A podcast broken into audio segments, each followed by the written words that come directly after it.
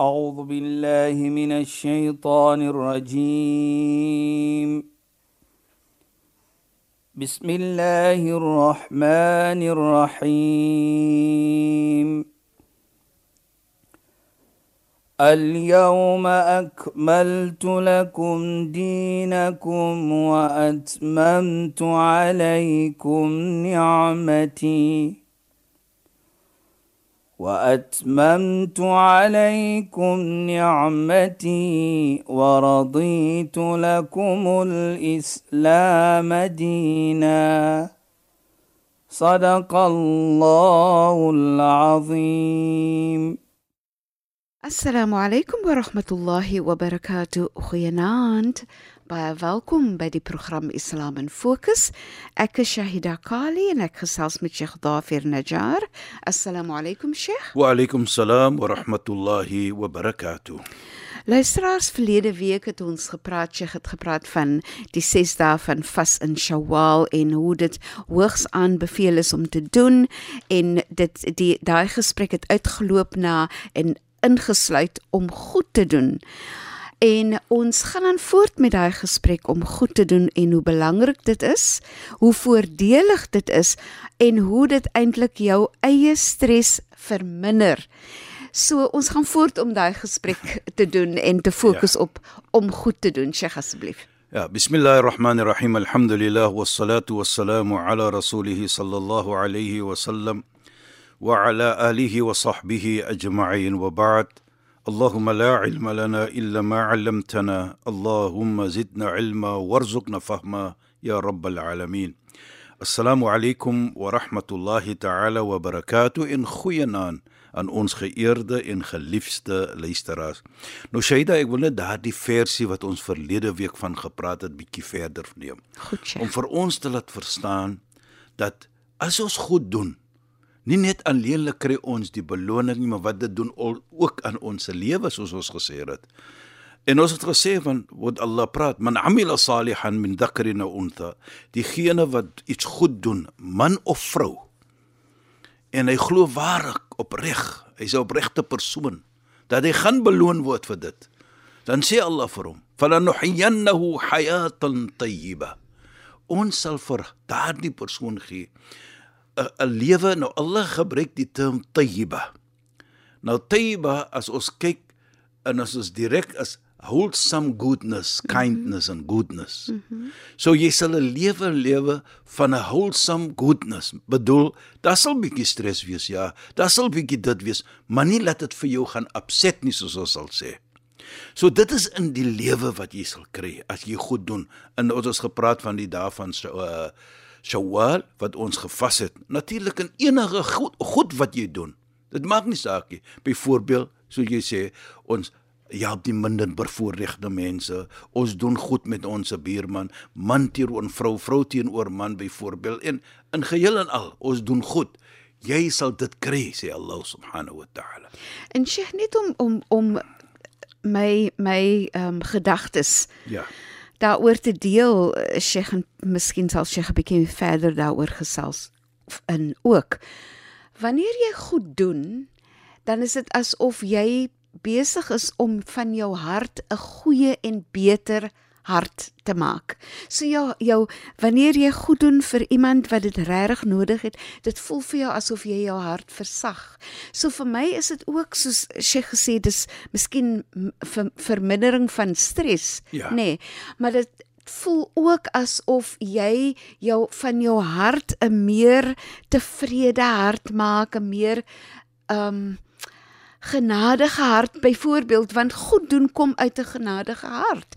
So dis vir my ook so 'n pragtige manier om om te kan sien hoe goed doen vir jou eintlik baie meer beteken. Natuurlik sê jy daai, as jy mooi kyk byvoorbeeld wat die heilige ons het in Ramadan gepraat van iets nou hoe uh, van van dinge wat hoe as jy hoe goed as jy doen goeie dade, wat is die beloning en so voort. Maar terselfdertyd sê die heilige profeet lisaim farhatan farhan 'inda liqa'i rabbi wa farhan 'inda iftari. Die persoon wat vas vir hom sal twee vrolike omstandighede of op uh, moments wees wat vir geen ander persoon gaan wees nie. Die een is as hy die aan sy vasbreek byvoorbeeld as dit nou klaar is, dit is klaar. Om te kan ding dat ek was gegun en Allah het vir my 'n bevoorreg gegee, die voorreg gegee om te kan vassit. En daardie gevoelendheid, jy het goed gedoen. Jy het sonder kos gewees, jy het sonder water gewees. Jy het opofferinge gemaak. Maar kyk net, die oomblik van vrolikheid wat jy kry deur wat jy dit gedoen het. En dit is wat jy praat van Shahida. So, dit bring 'n troos in die hart. Dit bring 'n lekker gevoel in die hart wat geen een kan beskryf nie, net jy alleen weet dit. Terselfdertyd vat ek vir jou na die vrou van die heilige profeet Mohammed sallallahu alayhi. Sayyidina Aisha radhiyallahu anha. As sy iets goed gedoen het, soos ons sê sadaqat byvoorbeeld, geld gegee het vir van mens, dan het sy die geld gesit in sent parfuum om lekker te ruik. Toe was daar gevra: "Hoekom doen jy dit?" Dat jy sit die geld in parfuum in lekker ruike as jy dit gee vir mens. Toe sê sy: "Qabla an ad'u fi yadi al-miskin ad'u fi yadi Allah." Voordat ek die geld sit in die hand van die minder bevoorregte mense het ek in die hand van Allah die geld. Want sy doen dit vir die wil van Allah. Maar sy sê die grootste iets vir my is ek dankbaar vir daardie persoon wat daar is om vir my hierdie goeie daad te kan doen. En terselfdertyd die lekker gevoel ook vir my is as ek dit kan doen vir die persoon en daardie persoon teruggee vir my 'n gebed om te sê jazakillah mag Allah vir jou beloon. Nou kyk net die lekker gevoel om die goeie daad te doen. Yes, jy kry daardie lekker gevoel. Jy weet ek vat altyd hierdie voorbeeld en ek lyk die voorbeeld Shaida. Daardie pet wat jy het by die huis. Die kykie, die hondjie of enige iets wat jy het by die huis en ek vat die voorbeeld van die visse ons het daar by die huis die vis wat ons het so in ons voorkamer of wat ons so uh het of of sommige tye in 'n pond wat ons het in in in 'n in water by die huis. Ons kof van die werk. 90% van ons mense wat daardie het gaan eers kyk of die pet of die vis alright is en hulle gee die kos. Nou gee jy die kos terwyl jy vis eet die lekker gevoel wat jy kry daardie oomblik net jy weet dit yes. en dit is maar 'n dier dit is jou geliefde geliefde pet wat jy nou kos gee natuurlik en daardie persoon of daardie vis na hy klaar geëet het as swem hy weg hy het nie opgekom om gesê dankie vir jou nie maar die gevoel wat jy gekry het om die goed en om daardie goed te doen het kan gedoen het vir daardie vis of vir daardie kykie of die hondjie het jou daardie lekker gevoelendheid gegee. Ja, Sheikh. Dit kan jy net beskryf. Nou in in Sheikh net op wel drie dinge staan vir my uit nie Sheikh. Ja, die een is jy voel ook baie dankbaar dat jy kan help, precies, dat jy kan precies, goed doen. Precies. Nee, jy voel ook baie dankbaar. Is altyd vir my interessant as iemand na jou kom om vir jou iets te vra, dan dink jy, hoekom het die persoon nie na iemand anders of 'n nog 'n persoon gegaan nie, maar dit voel amper asof Allah daai persoon direk na jou gestuur het Allah. om dan te kan goed doen, hè, Sheikh. Laat hy vir jou kan beloon. ja, ja, Sheikh. En dan die ander iets is in terme van die stres, nee, Sheikh. Ja, dat dat jy minder stres voel. Wanneer ons lewe in 'n wêreld van stres, nee, so as ja. jy as jy dink stres, sê nou maar stres is 'n 100% van jou van jou bestaan of so. Elke keer as jy goed doen en dit so lekker gevoel, dan haal dit van daai persentasie weg. Presies, presies. So dit in 'n Jy kan dit ook uit daai oogpunt sien hoe om goed te doen verminder dit die stres of die bekommernis of die angs of die depressie want dit is ek ek noem dit good feeling moments. Jy gee vir vir jouself goeie gevoel daar is hy. momente Dit is- en dit dit dra by tot die stres wat dan verminder word. Laat Sjoe? jou lekker voel. Inderdaad. Dat jy was geëer en Ja. jy geëer in hoe dat jy daardie goed kan gedoen het Inderdaad. vir 'n nog. 'n persoon.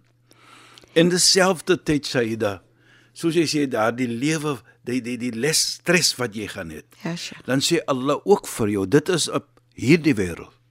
Dan sê Allah "Wanaj- walanajziyannahum ajrahum bi ahsani ma kanu ya'malun. Daardie iets wat jy gedoen het van daardie persoon die goed. Allah gaan verseker maak hy gee jou 'n beter beloning wat as wat jy gedoen het. Met ander woorde, hy gaan, jy weet nie wat die beloning gaan wees nie. Nou, as jy daardie gevoelendheid het van dat jy goed kan gedoen het aan nog 'n persoon om net te kan gedink het dat jy kan 'n persoon vrolik gemaak het, is 'n lekker gevoel. Nou kry jy die tweede lekker gevoel en daardie lekker gevoel is eendag gaan die Almagtig vir my beloon.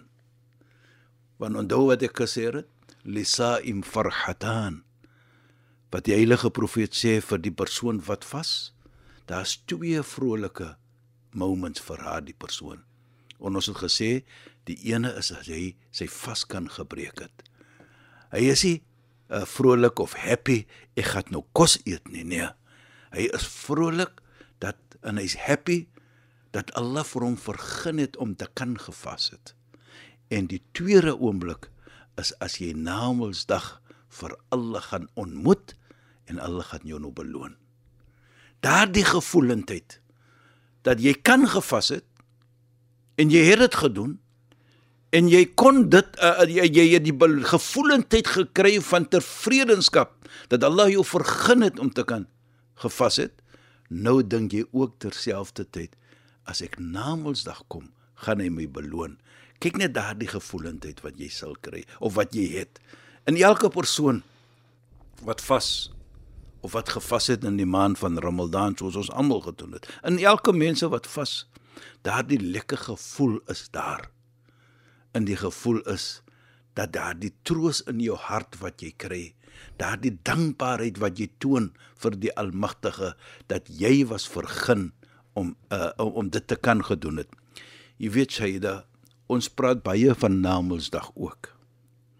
Nou ons weet die heilige Koran is duidelik. Kullu nafsin dha'iqatul maut. Elke siel gaan proe die dood. Kullu man 'alayha fan, sê Allah. Elke iets op hierdie hemel gaan vergaan. Daar gaan 'n einde kom. Ons gaan dood. Ons moet doodgaan eendag. So hier praat die heilige profeet ook daar die goeie dade wat jy doen. Hy sê yatba'ul mayta thalatha. Die een wat dood, drie iets se volg gaan saam met hom. Yarja'u ithnan wa yabqa wahid. Twee kom terug en een bly by hom of haar. Die drie ietsie wat saam met hom gaan, is sy familie, sy families, sy vriende natuurlik wat hom gaan begrawe en sy geld. Maar en sy doen en late. Sy doen en late bly by hom. Sy families en sy geld, sy vriende gaan almal terug. Ek gaan terugkom na dit Saida. Daardie oomblik as jy gesit word in jou graf en jou mense gaan weg, dan word daar gesê vir jou deur die Almagtige Ya abdi tarakook wa fi turab dafanook o my slaaf. Hulle het jou gelos jou families jou vriende het geloop en hulle het jou hier in die gat gelos waar daar stof is. Walam yabqa illa ana en geen een is saam met jou nie maar net ek wa ana al-hayy alladhi la amut la yamut en ek is die ene wat altyd se lewe wat nooit sal dood nie Nou daardie doen en late wat ons gedoen het op die wêreld. Daardie persoon wat ons gehelp het. Daardie hondjie, die kykie, die vis wat ons stukkie kos gegee het, is ook 'n beloning. Elke goeie daad wat ons nog van praat, is nou daar by jou alleen tussen jou en die Almagtige. Almal is weg van jou.